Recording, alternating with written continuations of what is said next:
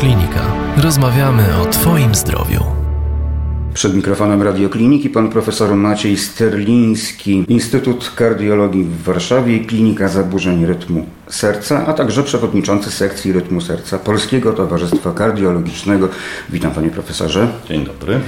Telemedycyna, telekardiologia, wszczepialne urządzenia do terapii serca. Panie profesorze, już każde z tych określeń, których użyłem, może służyć jako tytuł do filmu science fiction, ale to nie film, to rzeczywistość. Każdego roku wszczepia się pacjentom kardiologicznym różnego rodzaju urządzenia ratujące im życie bądź poprawiające jego komfort. Tak, to prawda. Y, te wszystkie poddziedziny y, medycyny czy, czy kardiologii, no bo będziemy mówić dzisiaj o pewnych problemach związanych z kardiologią, to istotnie jest y, nowoczesność. To jest XXI wiek, to są metody, które możemy oferować naszym pacjentom i nasze środowisko sekcji rytmu serca Polskiego Towarzystwa Kardiologicznego na co dzień ma do czynienia z tymi metodami, bądź próbuje je jak najskuteczniej wdrażać dla naszych pacjentów, po to, żeby no, poprawiać ich rokowanie, poprawiać ich e, jakość życia. Wymienił Pan tu również wszczepialne urządzenia do elektroterapii serca. To jest jedna z dwóch dużych grup stosowanych w terapii pacjentów z niewydolnością serca i groźnymi zaburzeniami rytmu serca bądź dużym ryzykiem takich zaburzeń rytmu serca. Grupa lecznicza, e, która jest e, jak powiedziałem, e, grupą towarzyszącą drugiej dużej metodzie, którą są ablacje przeznaczeniowe, czyli celowane metody dostawania się do pewnych obszarów serca, najczęściej drogą naczyń, ale ablacja coraz częściej wykonywana jest również z dostępów e, takich zewnątrzsercowych, czyli epikardialnych, jak my mówimy, albo osierdziowych. I to jest metoda, która pozwala na e, eliminowanie pewnych groźnych arytmii u zdecydowanej większości e, pacjentów chorych na te patologie. Takich e, urządzeń i metod, które niwelują zaburzenia rytmu serca jest mnogość. A czy urządzenia stymulujące możemy wszczepić na przykład pacjentowi, który ma kłopoty z zastawkami, jest po zabiegu lub operacji, chociażby TAVI czy Mitra Clip? Tak, możemy, tylko trzeba podkreślić, że do każdej z metod leczniczych, w tym do zastosowania różnych wszczepialnych urządzeń, istnieją pewne bardzo ściśle określone wskazania. Czyli ja bym może to sprecyzował. Możemy wszczepić takie urządzenia pacjentowi, który przebył taki czy inny zabieg, w tym TAVI, Clip czy zabiegi zastawkowe wykonywane metodą kardiochirurgiczną, o ile pacjentom takim towarzyszą wskazania do zastosowania takiej metody. Oczywiście sama zastawka nie jest wskazaniem, ale istotnie tych wskazań e, bardzo skomplikowanych nie jest może dużo, ale istnieją w nich pewne niuanse i na pewno u części chorych z niewydolnością serca, u takich, u których trzeba leczyć zastawki, Pewne metody te z naszego podwórka wszczepialne urządzenia do elektroterapii serca mogą być bardzo pomocne jako metoda komplementarna. Użył Pan profesor stwierdzenia nasze podwórko. Właśnie mnie też interesuje ten wątek, jak nasze podwórko w tej kwestii ma się do światowego podwórka. Czy urządzenia, które są stosowane w naszym kraju w medycynie przy zaburzeniach rytmu serca e, są adekwatne technologicznie do tego, co spotykamy na całym świecie? Absolutnie tak. Trzeba powiedzieć no, z radością i pewną dumą, że polska kardiologia prezentuje poziom absolutnie europejski, światowy, w pewnych dziedzinach nawet ma pionierskie osiągnięcia czy takie liderskie, wytyczające pewne, pewne szlaki, pewne kierunki naukowe, pewne dokonania. Jeżeli chodzi o wszczepialne urządzenia, polska e, kardiologia znajduje się na bardzo wysokim miejscu w Europie, jeżeli chodzi o możliwość zastosowania tych urządzeń na milion pacjentów. Zazwyczaj w ostatnich latach było to trzecie, czwarte miejsce w, w Europie, czyli no, należy podkreślić, że urządzenia te są dostępne naszemu polskiemu społeczeństwu na równi ze standardami europejskimi. No właśnie, ilu myślę, że to jest... pacjentów rocznie w naszym kraju podlega zabiegom szczepienia urządzeń do terapii serca? My na potrzeby mm, takiego obrazowego y, przedstawienia ilości wszczepianych urządzeń w ostatnich latach mówimy zazwyczaj o tysiącu nowych wszczepień rocznie na milion mieszkańców, czyli w kraju takim jak Polska będzie to około 40 tysięcy nowych wszczepień. Do tego dochodzą oczywiście pacjenci, którym te urządzenia wszczepialiśmy w poprzednich latach z racji tego, że e, urządzenia poprawiają nie tylko jakość życia u części pacjentów, ale e, u części również rokowanie Ci pacjenci żyją dłużej, lepiej, no i w Polsce jest to na pewno w tej chwili około kilkuset tysięczna grupa pacjentów z takimi urządzeniami. Panie profesorze, ale przecież tacy pacjenci po wszczepieniu tego typu urządzeń podlegają bezpośredniej kontroli terapeutycznej. Nie powinni się zgłaszać na kontrolę, no właśnie jak często i robi się z tego, przepraszam za kolokwializm, armia ludzi. Tak.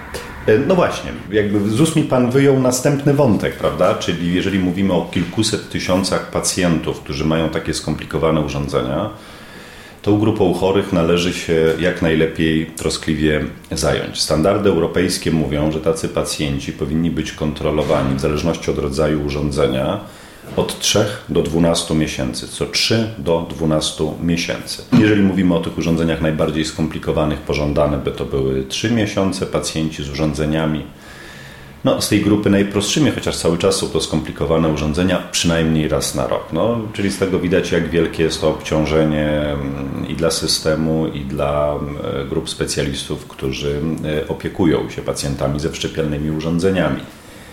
Stąd każda metoda wspomagająca tę opiekę i metoda, która pozwoli no nie tylko w cudzysłowie rozładować te potencjalne kolejki czy codzienne obciążenia pracowni ambulatoryjnych. Każda metoda jest wielce pożądana i cenna. I tutaj no, dochodzimy do problemów telemedycyny, telekardiologii czy telemonitorowania wszczepialnych urządzeń. System telemedyczny to system kilkustopniowy. Urządzenie, telekomunikacja i odbiorca danych. To ostatnie ogniwo, jak rozumiem, to lekarz, który w sytuacjach niebezpiecznych reaguje. No właśnie, jak? To jest, e, mówił Pan o systemie, tak, to e, należy podkreślić, że telemonitorowanie, bo pośród różnych gałęzi telemedycyny rozwijającej się bardzo burzliwie w ostatnich dwóch dekadach, telemonitorowanie wszczepialnych urządzeń jest taką no, jedną z wyspecjalizowanych dziedzin tej telemedycyny. Praktycznie wszystkie wszczepialne urządzenia do elektroterapii serca mają w tej chwili wbudowaną platformę, która pozwala na włączenie pacjenta do systemu zdalnego nadzoru i do ciągłego monitorowania y, nie tylko tego stanu elektronicznego urządzenia, jego parametrów, ale przede wszystkim pozwala na przesył istotnych klinicznie danych dotyczących y, stanu zdrowia pacjenta. I to jest, to jest bardzo ważne, to jest taka esencja, jeżeli chodzi o możliwość szybkich, y, szybkich reakcji. Chociaż oczywiście pewne problemy techniczne z urządzeniami, które się zdarzają, też jest pożądane, żeby były jak najszybciej wychwytywane, jak najszybciej leczone. Ten system, o którym Pan powiedział, to istotnie na końcu tego łańcucha nadzoru. Jest lekarz, e, technik medyczny, pielęgniarka, zespół ludzi, no, którzy pożądane jest, żeby byli bardzo biegli w tej dziedzinie. I w momencie zaistnienia tych najbardziej groźnych alertów, alertów arytmicznych, które przede wszystkim nas interesują w grupie, w grupie chorych z tymi wszczepialnymi urządzeniami, ale także alertów związanych z pogorszeniem parametrów wydolności serca, czy tak jak mówiłem wreszcie no, z jakimiś technicznymi dysfunkcjami czy problemami, które mogą się pojawić, można skorygować. Te zaburzenia reagować. stwierdza człowiek, czy też mamy sygnały automatyczne? Ma sygnały automatyczne z urządzenia. Urządzenie ma programowane pewne algorytmy detekcji. Algorytm detekcji, jeżeli wychwyci arytmię, przekazuje taką informację w formie alertu do terminala, przy którym y, siedzi mm, technik, pielęgniarka albo lekarz i te alerty analizuje. I my praktycznie możemy w przypadku nadejścia takiego alertu wręcz zajrzeć do elektrokardiogramu. Oczywiście nie jest to taki elektrokardiogram e, klasyczny, 12-odprowadzeniowy z elektrodami przyklejanymi na powierzchnię ciała, a jest to zapis EKG z elektrody na przykład z wewnątrz serca, który wymaga no, troszkę innej analizy, troszkę innego różnicowania niż ten standardowy elektrokardiogram, ale oczywiście daje nam znakomite pojęcie o tym, czy jest to arytmia potencjalnie groźna, czy bardzo groźna, czy, czy wręcz taka, która wymaga natychmiastowej interwencji, czy też jest to stan, który przez jakiś czas możemy obserwować w sposób zdalny, czy też na przykład nie ma potrzeby wzywania pacjenta, wystarczy skontaktować się z pacjentem czy z jego lekarzem prowadzącym. A co w sytuacji, kiedy rzeczywiście stwierdzacie Państwo, że jest no, coś nie w porządku z pacjentem? Jak reaguje się w czysto fizyczny sposób? Tak jak mówiłem, e, stopnie alertów, stopień zagrożenia są różne i stąd nasze reakcje też są zróżnicowane. E, jeżeli mamy do czynienia z sytuacjami tymi najgroźniejszymi, staramy się praktycznie albo pacjenta od razu wezwać do nas, a jeżeli sytuacja jest groźna, ten transport też byłby groźny, staramy się kontaktować albo z pacjentem, albo wręcz z najbliższym ośrodkiem kardiologicznym, specjalistycznym znajdującym się w pobliżu miejsca zamieszkania pacjenta, no i e, spowodować, aby pacjent został jak najszybciej hospitalizowany czy skonsultowany w tym ośrodku. Interesuje mnie jeszcze jedna kwestia. Czy to znaczy, że wszczepione urządzenia do przesyłu danych korzystają z sieci internetowej i jak następuje przesyłanie tych sygnałów? W jakiś sposób musi? Istotnie są to transmisje zdalne. One muszą wykorzystywać komórkowe sieci telefoniczne, transmisję internetową. Od razu w tym miejscu nasuwa się fakt i chyba fakt warty podkreślenia, że przesyły takie podlegają bardzo wnikliwej kontroli, bardzo wnikliwej, ciągłej analizie zespołów informatyków, fachowców od cyberbezpieczeństwa pod kątem bezpieczeństwa przesyłu takich danych. No, no właśnie, tym razem pan profesor uprzedził moje kolejne pytanie, bo skoro przesyłamy jakieś dane, to ktoś może je pozyskać, wykraść. Także tutaj tak, tak jak powiedziałem, tutaj są również specjaliści tutaj, tak, informatycy. Tak, tutaj znaczy oczywiście każda, e, każda nazwijmy to linia produkcyjna różnych, różnych producentów urządzeń i każdy system do obsługi telemedycznej oprócz tej kosmicznej technologii samej analizy danych i jakości tych danych, ma prawdopodobnie gdzieś na obok czy na drugim końcu w cudzysłowie tej analizy bardzo od razu taką poważną analizę bezpieczeństwa. Jak rozumiem, telemedycyna może stwierdzić nieprawidłowości w rytmie serca, zaburzenia rytmu serca w stosunku jeden do jednego natychmiast. E, no, natychmiast o tyle, e, o tyle, o ile zostanie wysłany alert. Jakby te alerty, one nie są wysyłane natychmiast, bo oczywiście warunkiem, żeby taki alert z urządzenia został wysłany jest znalezienie się pacjenta w pobliżu urządzenia, tego przesyłowego, tego transmitera, więc zazwyczaj bywa... A, czyli, przepraszam, to nie jest tak, że to urządzenie, które mamy wszczepione, ono bezpośrednio nadaje, Urządze... tylko znaczy jeszcze jest nadaje, baza nadaje do nadajnikowa. Tak, mhm. nadaje do nadajnika i ten nadajnik dalej przesyła dane. No krótko mówiąc, zazwyczaj jest to pewna wyznaczona pora dnia lub nocy, o której pacjent znajduje się w pobliżu tego transmitera i wtedy ten transmiter o jakichś tam określonych godzinach przesyła dane, czy może przesłać dane. Jeżeli ma alert, natychmiast go wysyła. Rozumiem, że telemedycyna wyłowi również nie tylko zdarzenia typowo objawowe, ale także tak zwane incydenty nieme. Tak, dlatego że mm, to jest bardzo istotna funkcja telemedycyny. Jednym z takich mm, strategicznych celów e, środowiska, nie tylko zaburzeń rytmu serca, ale myślę, że to jest troska całego polskiego środowiska kardiologicznego y, i nie tylko, myślę, że y, pewnie też i neurologicznego, są incydenty neurologiczne związane z migotaniem przedsionków. To jest jedna z najczęściej występujących arytmii, której częstość zwiększa się wraz z wiekiem naszych pacjentów. Niezwykle groźna. I niezwykle groźna nie tylko z powodu jakiegoś dyskomfortu, który może powodować takiego jak poczucie niemiarowej pracy serca, ograniczenie tolerancji. Tak, ale może powodować skrzepy, chociażby wędrujące. Przede wszystkim z punktu widzenia jej powikłań zakrzepowo-zatorowych i tak jak Pan powiedział, migotanie przedsionków bardzo często bywa niemy klinicznie. Jeden pacjent odczuje niemiarową pracę serca, drugi pacjent nigdy tego nie zauważy. Idzie po ulicy, mieszka sobie, żyje i jakby nie czuje, że ma arytmię. A ta arytmia może być bombą zegarową, która y, może być przyczyną y, ciężkiego udaru mózgu, czyli tragedii, inwalidyzacji i y, dużego problemu zdrowotnego. Jeżeli do tego dodamy, że migotanie przedsionków powyżej 70-80 roku życia, nasze społeczeństwo się starzeje, i migotanie przedsionków no, jest problemem e, jakby kilku czy wręcz kilkunastoprocentowym, to mówimy o istotnym problemie społecznym i stąd z punktu widzenia zdrowia społecznego bardzo jest ważne, żeby wychwytywać tak dużo incydentów migotania przedsionków u naszych pacjentów, jak się da, bo każde rozpoznane de novo migotanie przedsionków pozwala na bardzo zdecydowane i korzystne dla pacjentów interwencje terapeutyczne, takie jak chociażby włączenie leczenia przeciwkrzepliwego, które ryzyko tego udaru mózgu zmniejsza w sposób zdecydowany.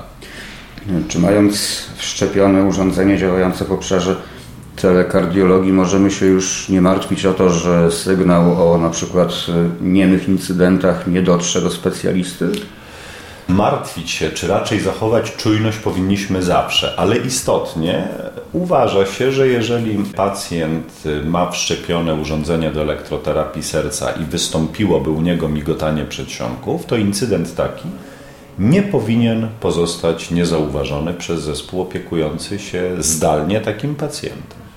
No ale myślę, że nie wiem, czy to jest dobry moment w naszej rozmowie, no ale trzeba podkreślić, że coraz więcej ośrodków stosuje telemedycynę, telenadzór nad wszczepialnymi urządzeniami ale wciąż jest to działalność taka fakultatywna, bo telemonitorowanie wszczepianych urządzeń nie jest e, procedurą refundowaną. To istotna informacja. Tak, i jest to bardziej e, takie nasze poczucie obowiązku czy zobowiązania wobec pacjentów. Ciężar, pewien ciężar finansowy, który na szczęście staje się coraz mniejszy, jeżeli chodzi o sam zakup urządzeń, ale na pewno duży, jeżeli chodzi o organizację i czas pracy, pozostaje w gestii ośrodków, które to prowadzą. Też trzeba podkreślić, że z punktu widzenia optimum takiego postępowania, no możemy wskazać na dzień dobry, prawda, grupy pacjentów bardziej zagrożonych i mniej zagrożonych, więc My też oczywiście zdajemy sobie sprawę, że telemedycyna może nie dla tych kilkuset tysięcy pacjentów, którzy mają szczepialne urządzenia w Polsce, ale na pewno warto by było wyodrębnić i wskazać grupy najbardziej zagrożone, u których ta telemedycyna, telemonitorowanie wszczepialnych urządzeń może przynieść największe korzyści. Tego byśmy sobie bardzo życzyli. I tak cały czas odnoszę wrażenie, że jesteśmy na prostej drodze do stania się cyborgami. Jednak może to w kwestii żartu, ale no jest w tym jak, jakieś ziarno na pewno te wszczepialne urządzenia z tym się kojarzą. Muszę panu powiedzieć, że to jest taka forma żartu czy rozładowania napięcia ze strony pacjentów w obliczu e, zabiegów szczepień tych urządzeń i bardzo właśnie często mówią, o to teraz będę takim trochę robotem.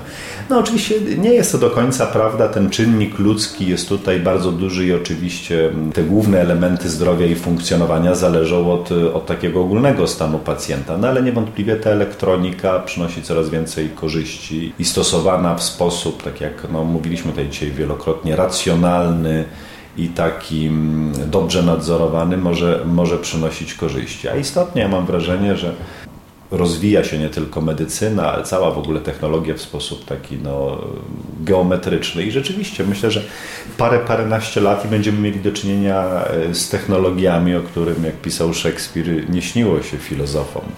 Więc e, tak, coś, coś jest na rzecz. Panie profesorze, wszczepienie jakiegokolwiek urządzenia do ludzkiego organizmu, w tym urządzeń do regulowania arytmii, wiąże się z ryzykiem powikłań.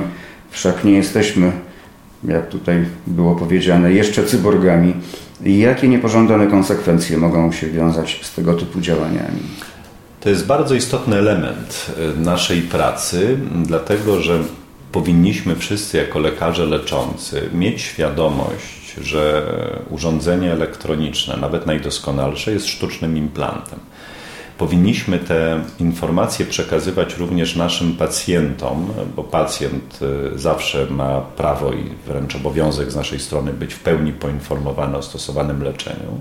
I powinniśmy y, zawsze, decydując się na jakieś formy terapii, zdawać sobie sprawę z długoterminowych konsekwencji takiego działania. Istotnie, jak Pan wspomniał, wszczepialne urządzenia są no, doskonałymi, czy prawie doskonałymi, ale tylko jednak sztucznymi implantami, które tak jak każda technologia mogą być zawodne i mają swoje ograniczenia, zarówno mechaniczne, bo jest to sztuczne ciało w prawdziwym organizmie, które może doznawać wpływu takiego mechanicznego, chociażby z poruszania się, z aktywności, z pracy, z, ze sportu, ze spacerów, może podlegać samo z siebie pewnemu jakby wyczerpaniu, czy znaczy może wyczerpanie złe słowo, bo to nad tym panujemy, z użyciu pewnych elementów. Tutaj mamy do czynienia głównie z elektrodami układów.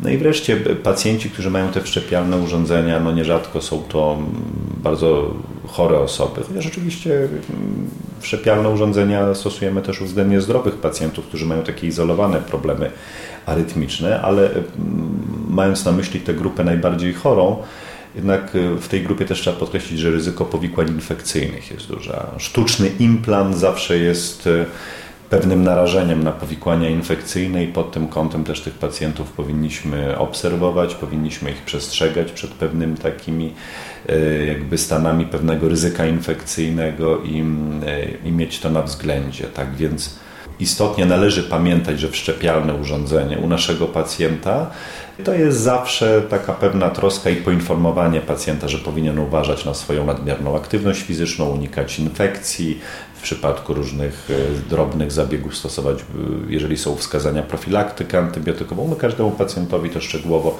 wyjaśniamy. Informujemy również, jakie mogą być niepokojące objawy, z którymi powinien do nas się zgłosić, jeżeli u siebie je zaobserwuje. Powikłania mogą nastąpić nie tylko po wszczepieniu pierwszego urządzenia, ale też po wymianie, bo trzeba wspomnieć o tym, że te urządzenia jednak podlegają co jakiś czas wymianie. Tak, te urządzenia w tej chwili większość ich ma, e, no, nie mamy jeszcze rozwiniętych na szeroką skalę systemów przekazywania energii, które pozwoliłyby na urządzenie typu e, jedno urządzenie na całe życie, prawda, jeżeli chodzi o, o sam zabieg implantacji. Te urządzenia w tej chwili w większości podlegają wymianie. Od kilku do kilkunastu lat trwa ten okres trwałości baterii. Bardzo słusznie Pan podkreślił, że wymiana, która jest zabiegiem często technicznie prostszym od zabiegu wszczepienia urządzenia, to jest któryś tam kolejny zabieg z rzędu, a no, zawsze w chirurgii, w tych takich dziedzinach zabiegowych kolejne zabiegi mają e, nieco większe ryzyko niż te zabiegi pierwsze, więc o tym też należy pamiętać, że nasza czujność i czujność pacjentów po kolejnych zabiegach, czy wymiany urządzenia, czy rozbudowy, bo czasami te układy w miarę rozwoju chorób pacjenta musimy modyfikować, musimy je, musimy je trochę rozszerzać o nowe elektrody, wszczepiać nowe urządzenia technologicznie, jakby, jakby nowe o trochę innych funkcjach. Każdy taki zabieg kolejny niesie ze sobą ileś tam kolejnych y, tych cegiełek ryzyka, dodatkowo więcej od pierwszego zabiegu. A powikłania w ogóle bardzo często się zdarzają, czy średnio, czy rzadko? To jest y, trudno powiedzieć, co to znaczy często, czy, czy rzadko. Na pewno u zdecydowanej mniejszości naszych pacjentów. Natomiast należy pamiętać, że to ryzyko powikłań nie maleje nigdy, znaczy jakby nigdy ono nie znika i ono może wystąpić y, w pierwszych miesiącach od wszczepienia i tu jest konieczna czujność. Może wystąpić, tak jak już żeśmy mówili, e, około tych zabiegów wymiany czy rozbudowy układów, ale może wystąpić w każdym momencie życia pacjenta z takim urządzeniem, czyli to jest e, najkrótsza droga do stwierdzenia, że, że tutaj ta, ta czujność musi być obecna zawsze. Panie profesorze, proszę jeszcze powiedzieć, czy pacjent z wszczepionym urządzeniem do regulowania rytmu serca czuje się z tym komfortowo? Czy to jest e, coś, co uciska, przeszkadza? Czy raczej są to urządzenia, które nie dają dyskomfortu na co dzień. No, większość naszych pacjentów po wszczepieniu takiego urządzenia po kilku, kilkunastu dniach zapomina, że w ogóle ma cokolwiek wszczepionego i odczuwają to urządzenie jako taki no, zapomniany, integralny element ich organizmu. E, więc tutaj e, w większości, zdecydowanej, znakomitej większości przypadków adaptacja do życia z takim wszczepialnym urządzeniem jest bardzo dobra. No oczywiście, no, tak jak mówię, jest to implant w pewnych no, pojedynczych przypadkach. Są pacjenci, którzy w jakiś sposób e, wyczuwają, czy wsłuchują się w siebie i, i mają to takie poczucie, że mają wszczepione to urządzenie, ale tak jak mówię, to są to są bardzo, bardzo rzadkie, e, rzadkie przypadki. Większość naszych pacjentów donosi nam e, o tym, że czują się świetnie, znakomicie. Dawno zapomnieli, że mieli coś wszczepione. Ich życie, no pod warunkiem zachowania tych, e, tych ograniczeń, które my zalecamy, jest komfortowe, w miarę aktywne, no i mamy nadzieję, że pomagamy tym pacjentom cieszyć się dobrym, długim życiem. To wszystko, o czym pan profesor opowiadał, to medycyna przyszłości, prawda? No, medycyna przyszłości, która zaczyna się dziś, albo może nawet zaczęła się wczoraj. Ta przyszłość prawda, jest zawsze przed nami i nawet nie widzimy, jak przyszłość staje się teraźniejszością. O telemedycynie, telekardiologii, wszczepianiu urządzeń do terapii serca, do regulowania arytmii. Rozmawiałem z panem profesorem Maciejem Sterlińskim z Kliniki Zaburzeń Rytmu Serca Instytutu Kardiologii w Warszawie oraz przewodniczącym sekcji rytmu serca Polskiego Towarzystwa Kardiologicznego. Bardzo dziękuję panie dziękuję profesorze. Uprzejmie. Więcej audycji na stronie radioklinika.pl i w naszej aplikacji mobilnej.